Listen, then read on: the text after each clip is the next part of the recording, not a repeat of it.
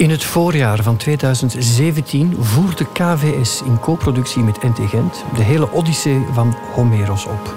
Meer dan 12.000 verzen. U hoort het goed, in een gloednieuwe vertaling van Patrick Lateur. Gebracht door 30 acteurs. Goed voor meer dan 26 uur theater. De voorstelling ging in première in KVS in Brussel en was te zien daarna in Groningen, Rotterdam, Antwerpen en Gent. Het epische verhaal, dat bijna 3000 jaar oud is, werd voor het eerst volledig opgevoerd in het Nederlands. Dit titanenwerk door al die fantastische acteurs willen wij nu met iedereen delen. Ook met u, die er misschien niet bij kon zijn. Daarom dus deze podcast. Week na week zult u hier een nieuwe zang kunnen herbeluisteren, waar en wanneer u daar zin in heeft.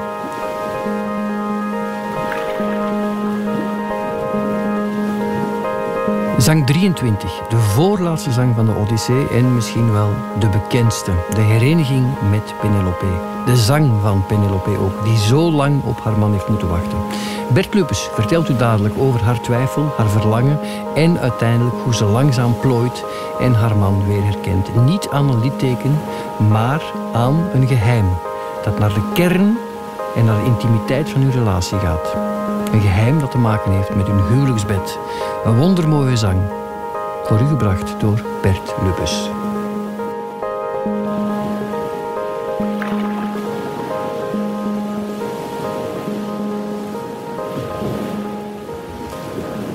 Luid juichend liep de oude vrouw naar boven. Ze repte zich met trippelende voet om mee te delen aan haar meesteres dat haar geliefde echtgenoot in het paleis was. Ze bleef boven het hoofdeind staan en sprak: Penelope, mijn kind wordt wakker.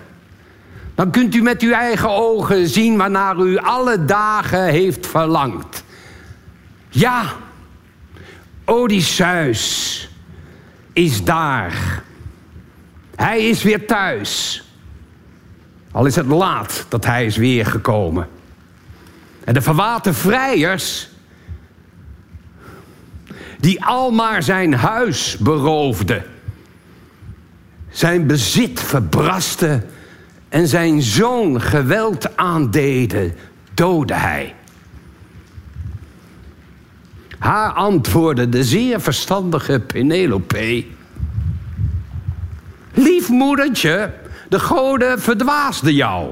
Zij zijn in staat een dwaas te maken, zelfs van wie toch veel verstand heeft, een simpele van geest wijsheid te geven. Zij zijn het die jou nu verbijsterd hebben.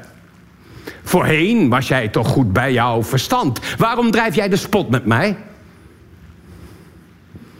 Mijn hart is vol verdriet. En jij komt mij verzinsels vertellen? En je wekt me uit de slaap? Mijn zoete boei die mij de harten sloot? Nog nooit sliep ik zo vast sinds Odysseus vertrok om Troje. Stad van ongeluk. Met walgelijke naam te zien. Kom aan, ga naar beneden. Naar de vrouwenzaal. Was iemand anders van mijn dienaressen dat komen zeggen? Had die me daarvoor echt uit mijn slaap gewekt? Ik had haar snel in tranen naar de vrouwenzaal gestuurd. Jouw oude dag brengt je dan toch dit voordeel.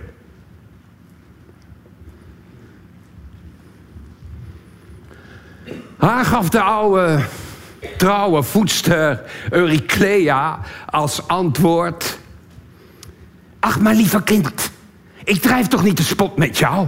Want Odysseus, echt waar, is daar. Hij is zoals ik zei, weer thuis geraakt. Hij is die vreemde. Door iedereen beschimpt in de paleiszaal.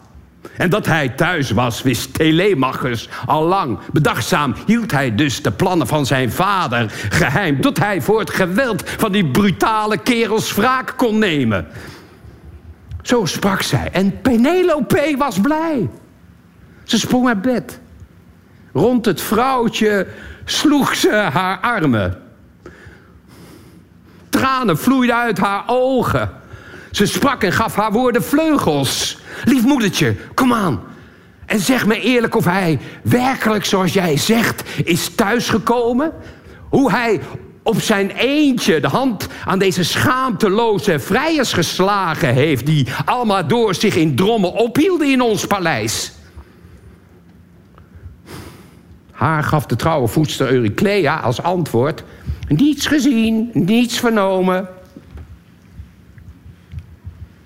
Ik hoorde enkel het gekreun van mannen die dood werden gemaakt.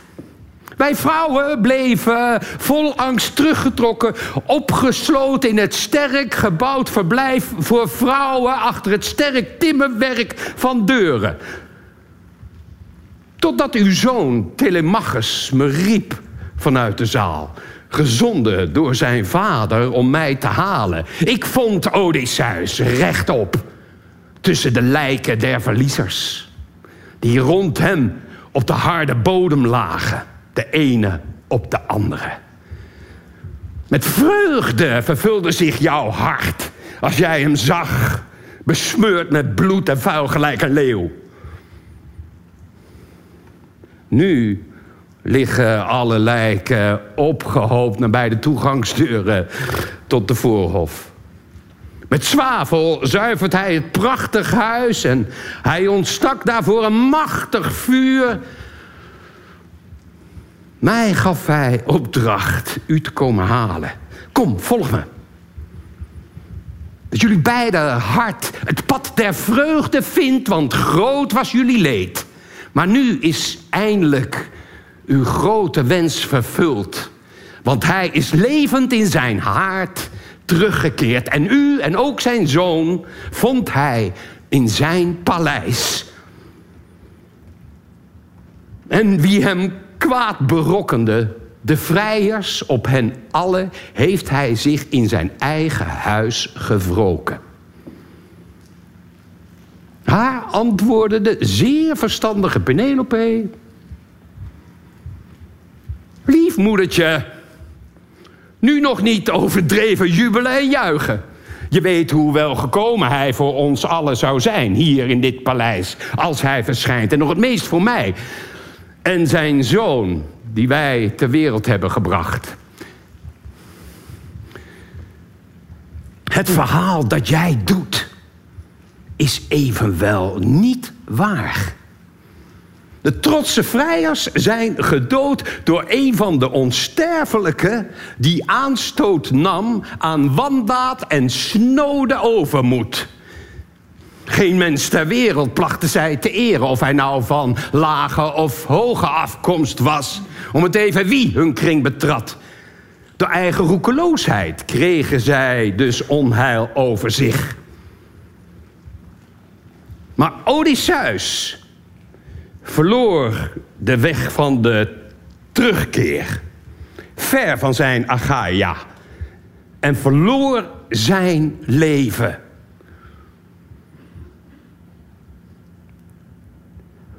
Haar gaf de trouwe voedster Euryclea daarop als antwoord... Ach, mijn kind, wat voor een woord ontsnapt er aan uw haag van tanden? Uw man zit binnen bij de haard. Terwijl u beweerde dat hij nooit meer terugkeert. Uw hart weigert nog steeds mij te geloven. Maar goed, ik voer hier nog iets anders aan. Een duidelijk bewijs, het litteken. Dat ooit een zwijn met witte tand hem toebracht. Ik zag het toen ik zijn voeten waste. Ik wou het u wel zeggen. Maar hij hield zijn hand voor mijn mond. Zijn schrander hart liet mij niet toe te spreken. Kom maar mee. Mijn hoofd verwed ik. Als ik u bedrieg, geef mij dan maar de jammerlijkste dood. Haar antwoordde de zeer verstandige Penelope. Lief moedertje, de plannen doorgronden van de eeuwige goden is voor jou, ook al ben je nog zo wijs, toch moeilijk.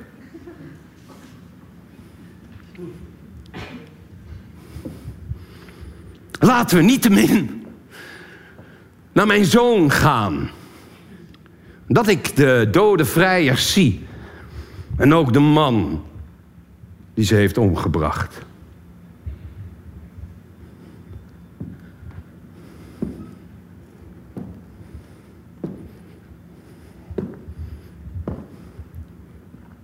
Zo sprak ze. En Penelope verliet de bovenkamer, kwam beneden,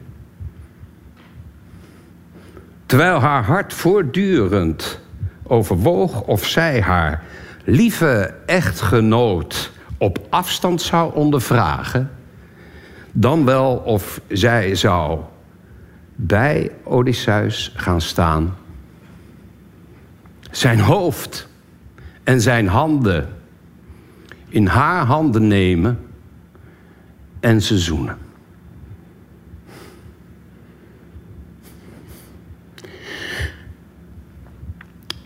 Toen zij de stenen drempel overschreed, de zaal betrad, ging zij zich neerzetten recht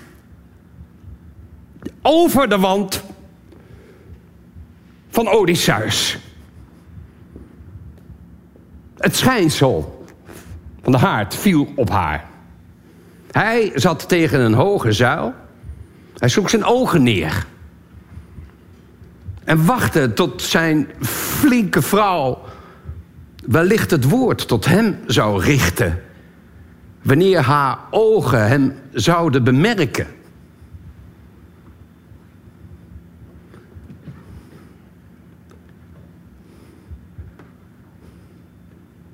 Zij zat er lang en zweeg. Haar hart een en al verbazing. Nu eens nam ze hem aandachtig op, keek recht in zijn gelaat. Dan weer leek ze hem niet te herkennen wegens de vuile kleren aan zijn lijf.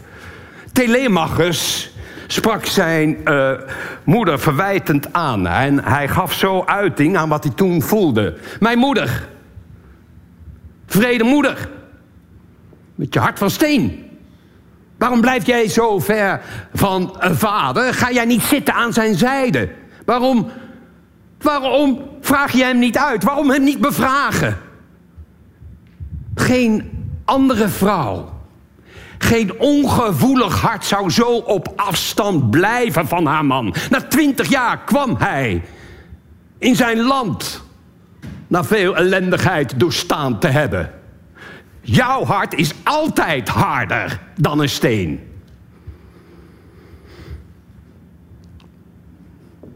En de verstandige Penelope antwoordde hem: Mijn zoon, van binnen is mijn hart verbaasd en ik ben niet in staat één woord te zeggen of één vraag te stellen. Ik kan hem niet recht in de ogen kijken.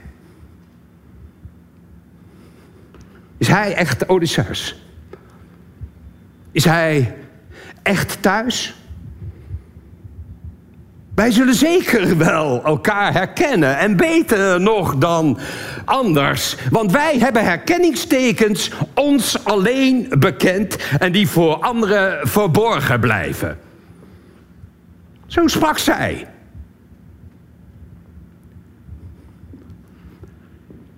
En de niet verzagende en goddelijke Odysseus glimlachte. Sprak snel zijn zoon aan.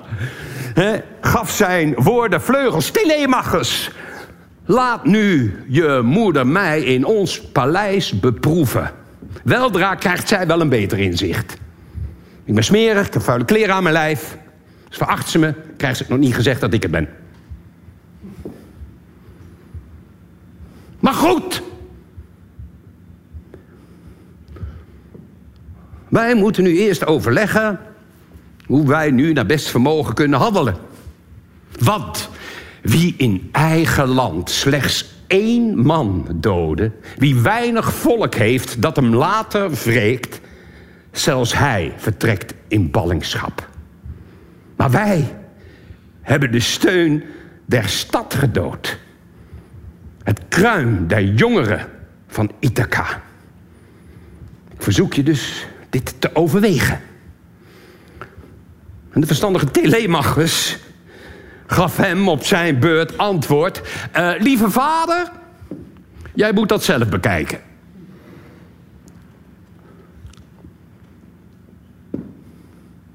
Men beweert dat jij de meest vindingrijke geest bezit onder de mensen. Van de stervelingen zal niemand zich met jou meten. Wat ons betreft, wij volgen jou vol vuur. Het zal ons niet aan verweer ontbreken, denk ik. Althans, voor zover onze kracht reikt. Odysseus, de schrandere, zei hem en gaf als antwoord... ik zal nu verwoorden wat mij het beste lijkt. Neem eerst een bad. Trek jullie gietton aan... en geef ook opdracht aan de dienstmeisjes in huis zich mooi te kleden. De goddelijke zanger met zijn citer die helder klinkt... moet ons in speelse dans voorgaan. Ieder die ons van buiten hoort... het zij voorbijganger of buurtbewoner moet denken dat er bruiloft wordt gevierd. Het nieuws over doden van de vrijers mag zich beslist niet in de stad verspreiden. Voordat we buiten zijn en op ons landgoed met grote boomgaard aangekomen zijn. Daar zien we wel of de Olympiër ons verder zal begunstigen en helpen. Zo sprak hij. Zij aanhoorden hem aandachtig. Ze stemden in. Ze namen eerst een bad, trokken hun gieton aan. De vrouwen maakten zich klaar. En de goddelijke zanger nam de holle lier. En wekte hun verlangen naar liefelijke zang. En volmaakte dans.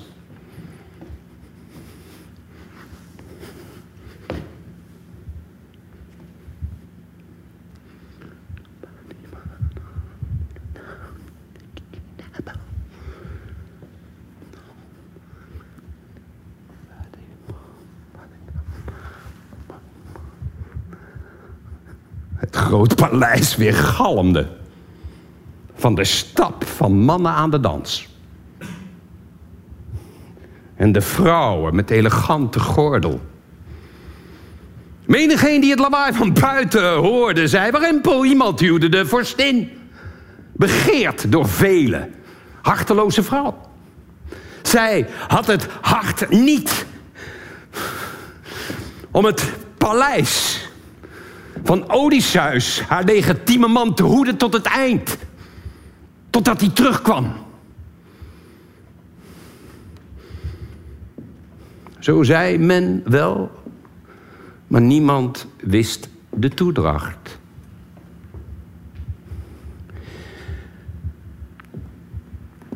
De huishoudster Eurynome, intussen, gaf Odysseus de held in huis een bad. Ze zalfde hem in met olie, gaf hem een mooie mantel en een mooie giton. Athena strooide over zijn hoofd veel schoonheid. Hij werd nog sterker nog groter om te zien. En van zijn hoofd liet zij het haar kroezen gelijk de trossen van een hyacint.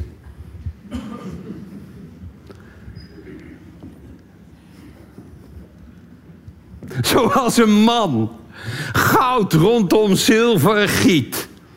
Bekwaam, want van Hephaïstos en Athena kreeg hij veelsoortige kunstvaardigheden. Dus, zodat zijn werk uh, uh, bekoorlijk, erg bekoorlijk zijn.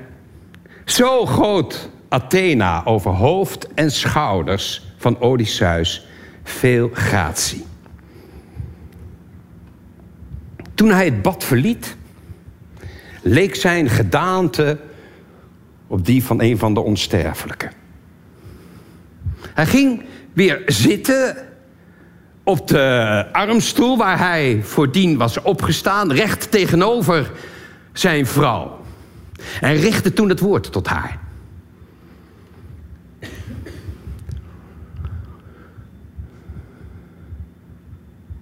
Ach, zonderlinge vrouw. Hart is het hart dat zij die huizen in Olympos zalen jou gaven. Meer dan dat van welke vrouw ook. Geen andere vrouw, geen ongevoelig hart zou zo op afstand blijven van haar man. Na twintig jaar kwam hij in zijn land na veel ellendigheid doorstaan te hebben.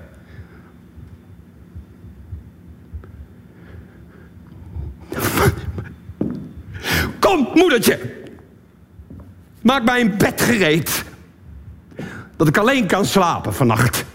Deze vrouw heeft in haar borst beslist een hart van ijzer.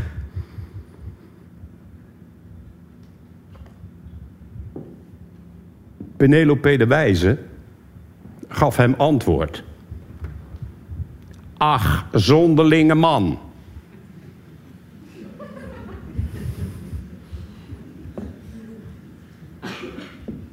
Ik ben niet trots. Veracht jou niet. Ben niet al te verbaasd.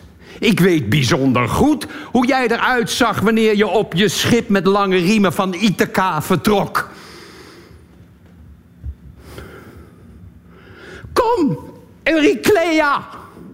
Maak buiten ons sterk gebouwde kamer die hij zelf heeft gemaakt. Zijn stevig bed klaar. Zet daar het bed. Leg beddengoed erop, vachten en dekens en schitterende spreien. Zo sprak zij om haar echtgenoot te testen. Maar Odysseus was verontwaardigd. Sprak zijn trouwe echtgenote aan als volgt. Vrouw echt. Wat jij daar zei, is voor mijn hart een pijnlijk woord. Wie heeft mijn bed verplaatst?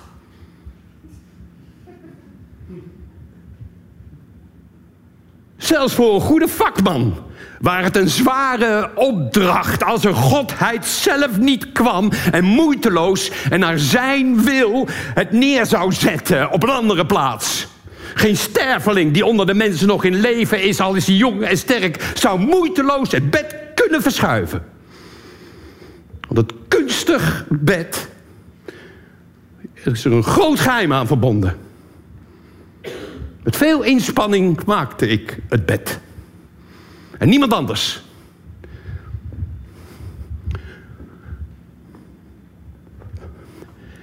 Er groeide een olijfboom in de hof, lancetvormig van blad. Vol over, volgroeid. Zijn stam was als een zuil zo dik. Ik bouwde daar rond mijn slaapvertrek tot boven toe met dicht aaneengesloten stenen. Ik legde een dak erbovenop. En toen stak ik er sterke deuren in. Stevig van vleugels, dicht ineengesloten. Toen pas sneed ik het loof van de olijf af lancetvormig van blad. Vanaf de wortel bewerkte ik de tronk en maakte hem met brons, met kunst en kunde, mooi glad en met een schietlood, ook loodrecht. Met zorg bewerkte ik de tronk tot poot waarin ik overal gaten boorde. En vanaf dit begin vertrekkend maakte ik het bed, schaafde het glad totdat het af was. Ik sierde het met goud, ivoor en zilver, bespande het met riemen, purperglanzend, Het rundsleer.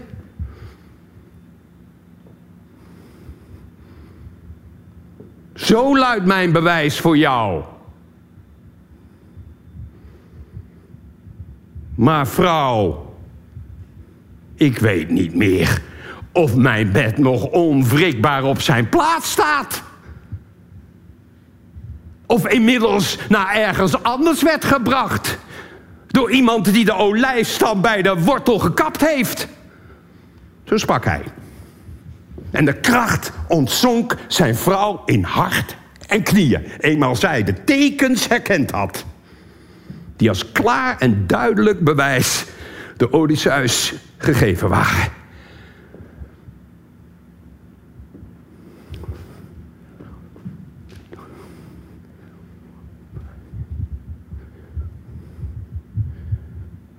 Toen weende zij. En vloog op hem af. Sloeg zijn armen om de hals van Odysseus. Ze zoende zijn gezicht en zei tot hem... Ach, Odysseus, wees alsjeblieft niet boos op mij. In al het andere was jij toch altijd de meest verstandige onder de mensen. De goden waren het die ons deze ellende bezorgden. Zij gunden ons niet dat wij tezamen bleven. En beide genoten van de jeugd. En ook tezamen de drempel van de oude dag bereikten. Nee, wees daarom niet boos. Op mij, niet kwaad. Omdat ik in het begin, toen ik je zag, je niet zo heb aangehaald als nu. Want altijd huiverde mijn hart van binnenin dat er een sterveling zou opdagen... die mij misleiden zou met zijn gepraat. Veel mannen zijn op sluwe list uit. Zelfs Helena uit Argos, die de dochter was van Zeus... zou de liefde en het bed niet met een vreemde gedeeld hebben als hij geweten had dat ooit de zonen van de krijgshaftige Argaiërs haar naar huis, naar haar geliefde vaderland weer zouden voeren. Haar dreef evenwel een godheid tot het plegen van die schanddaad. Voordien had zij toch nooit die kwalijke verbinding in gedachten? Die ook ons veel droefheid zou bezorgen voor het eerst. Maar klaar en duidelijk vertelde jij mij nu de tekens van ons bed. Door geen der stervelingen ooit gezien. Alleen door jou en mij en door een van de dienaressen, actoris. Hij gaf mijn vader mij toen ik hier kwam. Zij waakte bij de deuren van ons stevig gebouwd vertrek. Jij overtuigt mijn hart. Al had het zich nog zo verhard.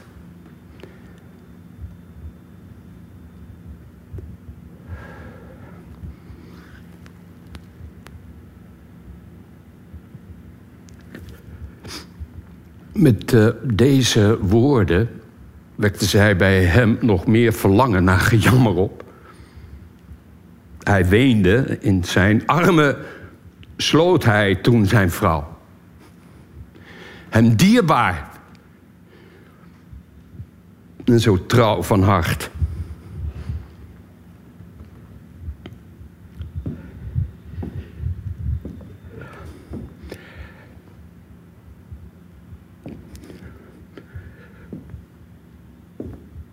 Zoals voor zwemmers, land in zicht, een bron van vreugde is. Nadat Poseidon op zee hun sterk gebouwde schip aan stukken sloeg, gedreven door geweld van golf en wind.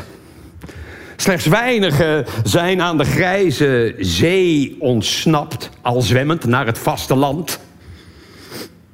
Het zeezout kleeft in korsten op hun huid.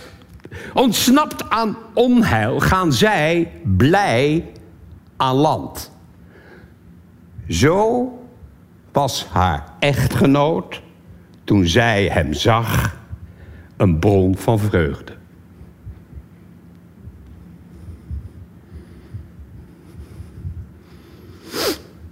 En haar blanke armen lieten zijn hals geen moment meer los.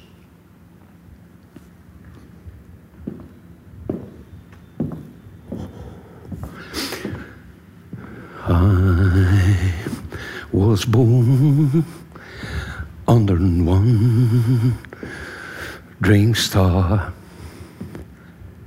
I was born under one drink star. A one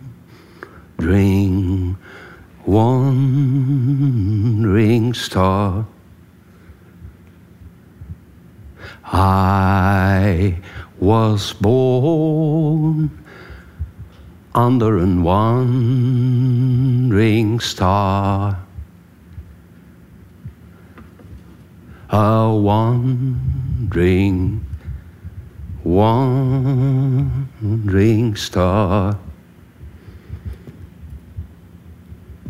Mm, mm, mm,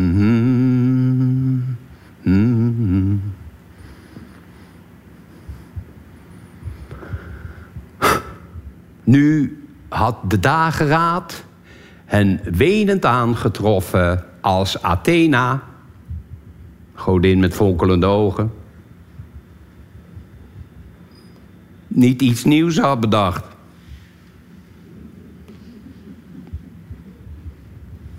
Want aan de horizon liet zij de lange nacht nog wat treuzelen. En Eos op haar gouden troon hield zij bij de Okeanos wat tegen. Athena liet niet toe dat zij haar paarden met snelle voet... die mensen licht bezorgen, zou inspannen. Die paarden heten Lampros en Phaeton en trekken Eos wagen. Nou, toen zei de schrandere held Odysseus tot zijn Penelope... Ach vrouw, wij zijn nog niet aan het eind gekomen van al onze beproevingen. Hierna volgt nog beproeving lang, zwaar en mateloos. Die ik geheel tot het einde toe moet doorstaan. Want dat voorspelde me de schim van de Zina Theresias... de dag waarop ik daalde in de Hades. In Hades huis om voor mijn makkers en mijzelf te zoeken naar een thuiskomst. Kom aan nu, vrouw van mij... We moeten nu maar naar ons bed gaan. Daar kunnen we rusten en ons laten verkwikken door een zoete slaap. Op haar beurt zei de zeer verstandige Penelope tot hem... je bed staat klaar voor je, zodra je hart ernaar verlangt. Jou hebben de goden toch mogelijk gemaakt je vaderland weer te betreden... je mooi gebouwd paleis weer terug te vinden. Maar nu ervan sprak, een God gaf het jou in. Vertel mij dan van die beproevingen. Want later hoor ik dat dan toch, denk ik. Dus kan ik geen kwaad dat terstond te weten. En Odysseus, de schrandere, gaf haar eh, als antwoord... Zonderlinge vrouw, waarom toch dring jij er zo op aan dat ik dat zeg?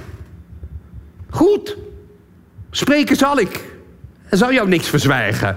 Maar weet, verblijden zal jouw hart zich niet. Zelf ben ik ook niet blij. Tresias beval mij met handelbare roeiriemen in handen heel veel landen aan te doen van stervelingen tot ik zou komen bij mannen die van zee niets weten, niets eten vermengd met zeezout niets weten van schepen met purperen wangen. Nog van lange roeiriemen die vleugels zijn voor schepen. Mij wees hij toen dit onmiskenbaar teken. Dat ik jou niet verzwijgen zal. ontmoet ik een andere reiziger die mij verklaart dat ik een schop op mijn sterke schouders draag. In de grond moet ik mijn roeiriem steken. Aan de heer Poseidon rijke offers brengen. Een ram, een, een stier, een everzwijn dat uh, zeugen bespringt. Vervolgens moet ik huiswaarts keren. En aan de goden die onsterfelijk huizen op de Olympus... heilige hecatombe opdragen aan alle goden. Eén voor één. Mijzelf wacht dan uit zee. Een dood zo zacht dat hij me weg zal nemen. Zwak door de genoegens van de oude dag. Terwijl rond mij mijn volk in welvaart leeft. Dat alles, zei hij, zou ik dus vervuld zien. Op haar beurt, zei de zeer verstandige Penelope tot hem: Geven de goden jou echt een oude dag met meer geluk? Dan is er hoop dat jij het leed ontloopt.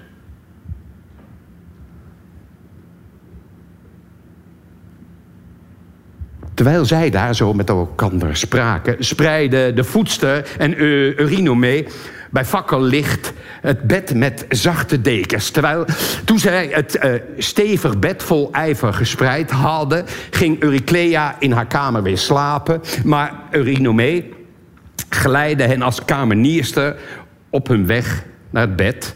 Zij droeg een fakkel in haar hand. En toen zij hen daar gebracht had, ging zij weer weg.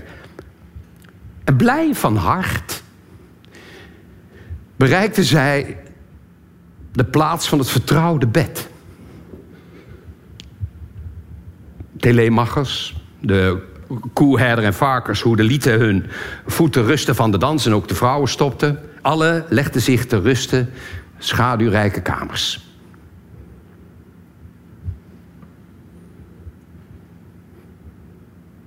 Toen man en vrouw van heerlijk liefdespel hadden genoten, vonden zij plezier in een gesprek.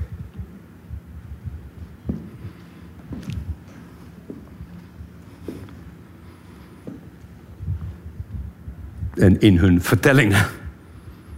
En zij, de stralende onder de vrouwen verhaalde al wat zij in het paleis had te voortduren. Hoe ze toe moest zien, hoe de verderfelijke bende vrijers om het wil veel dieren slachten bleef. Forse schapen en de runderen, hoe volop wijn uit de vaten werd geschept.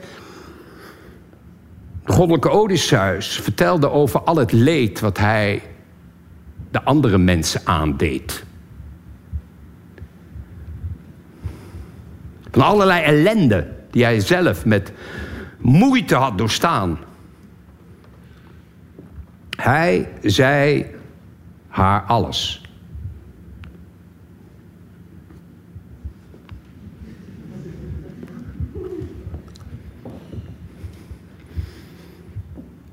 Penelope aanhoorde hem, genoot. Er kwam geen slaap over haar oogleden totdat hij alles uitgebreid verteld had.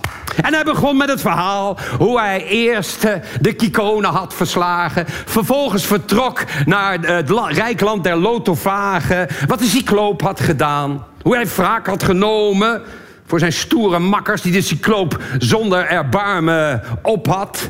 En verder hoe hij uh, Aiolos bereikte... die hem uh, gastvrij ontving en weer liet gaan... Hoe het lot hem niet werd vergund om terug te keren naar zijn vaderland, zijn lieve land. Hem rukte storm en weer weer weg. met een zware zucht werd hij weer terug over het visrijk zeediep voortgedreven. Voorts, hoe hij in Telepilos belandde. De stad, de die zijn vloot en al zijn makkers met sterke scheenplaten vernietigd hadden. Ja, alle. Met zijn zwart schip ontsnapte hij enkel hij. En hij vertelde van de vindingrijkheid en de list van Kirke. Hoe hij op zijn schip met de vele roeibanken naar het dompige huis van de Hades trok om daar te consulteren. De schip van de Tresi. De schip de Tibaan Theresias. Hij zag er al zijn makkers. En ook zijn moeder, die hem gebaard had. Grootgebracht als kind. Vertellen deed hij hoe hij ook de stem van de luidzingende sirene hoorde. Hoe hij terechtkwam bij de zwerfrotsen. De dreigende Charybdis en ook Scylla, waaraan geen mens ooit ongedeerd ontkwam. Voorts hoe zijn makkers ook de runderen van Helios geslacht hebben. Hoe Zeus die dobbert in de hoogte zijn snel schip met verzeggend bliksemvuur trof en zijn flinke kameraden omkwamen. Ja, alle. Zonder onderscheid. Alleen hij zelf ontsnapte aan verderf en dood. En hij verhaalde hoe hij op het eiland Ogygia bij Nymph Calypso kwam die hem in haar gewelfde grotten ophield. Zij wou dat hij haar echtgenoot zou worden. Zij gaf hem voedsel en verzorging, beloofde hem zo onsterfelijk, eeuwig jong. Alle dagen van zijn verder leven. Maar nooit wist zij zijn hart te veroveren. En verder, hoe hij naar heel veel tegenslagen belandde op het eiland der Vajaken, die hem van harte eerde als een God. Hem goud en brons, kledij in overvloed bezorgde. En hem met een schip geleidde op de terugweg naar zijn geliefde vaderland. Dat was het laatste wat hij haar vertelde. Toen overviel hem een zoete slaap die leden ontspant en het hart bevrijdt van zorgen.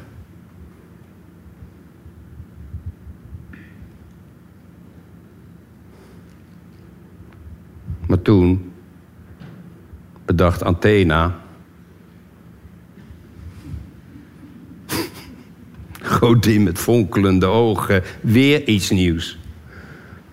Toen zij vermoedde dat uh, de held Odysseus voldoende had genoten van de slaap en van de liefde met zijn vrouw. Liet zij terstond de morgen stond op haar gouden troon opstaan uit de okeanos om de mensen het licht te brengen. huis verrees uit zijn zacht bed en zei zijn vrouw met nadruk: Ach, vrouw, wij hebben beide ons deel gehad van veel beproevingen Jij zelf door hier te wenen bij de vele zorgen waarmee jij werd belast door mijn terugkeer. Mij hielden Zeus en de andere goden allemaal vast in verdriet. Ver van mijn vaderland, vol verlangen weer naar huis te gaan. Maar nu we beide weer van ons heerlijk bed uh, hebben genoten... zorg jij hier in het paleis voor al, het, al de rijkdom die ik bezit. Mijn schapen, die de trotse vrijers fraten... win ik grotendeels zelf wel met buit. Al het andere krijg ik wel van de Agaïërs... tot al mijn feestallen weer zijn gevuld. Nu naar het landgoed met de grote boomgaard... om daar mijn goede vader weer te zien... die hevig en aanhoudend om mij weent. Aan jou, mijn lieve vrouw, geef ik nog een opdracht...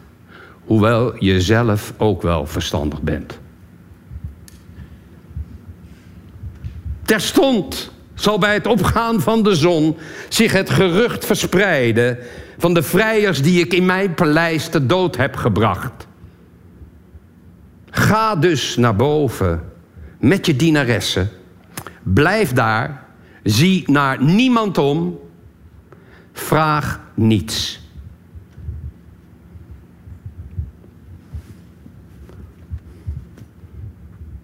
Zo sprak hij.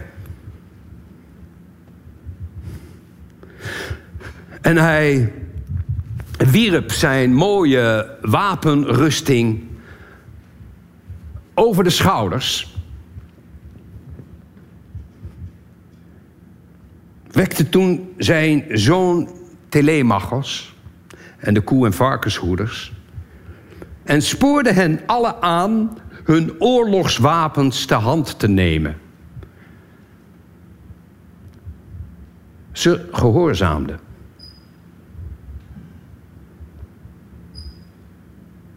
De deur ging open. En met brons gewapend stapten ze Odysseus voorop naar buiten. Over de aarde scheen al licht. Athena verborgen evenwel in nacht en duister. En eilings leidde zij hen uit de stad. Deze podcast is een samenwerking van KVS, Radio 1, uitgeverij Atheneum Pollack en Van Gennep en vertaler Patrick Lateur. In 24 afleveringen hoor je hier de volledige Odyssee van Homeros, waar en wanneer jij dat wil. Meer informatie vind je ook via kvs.be en natuurlijk ook radio1.be.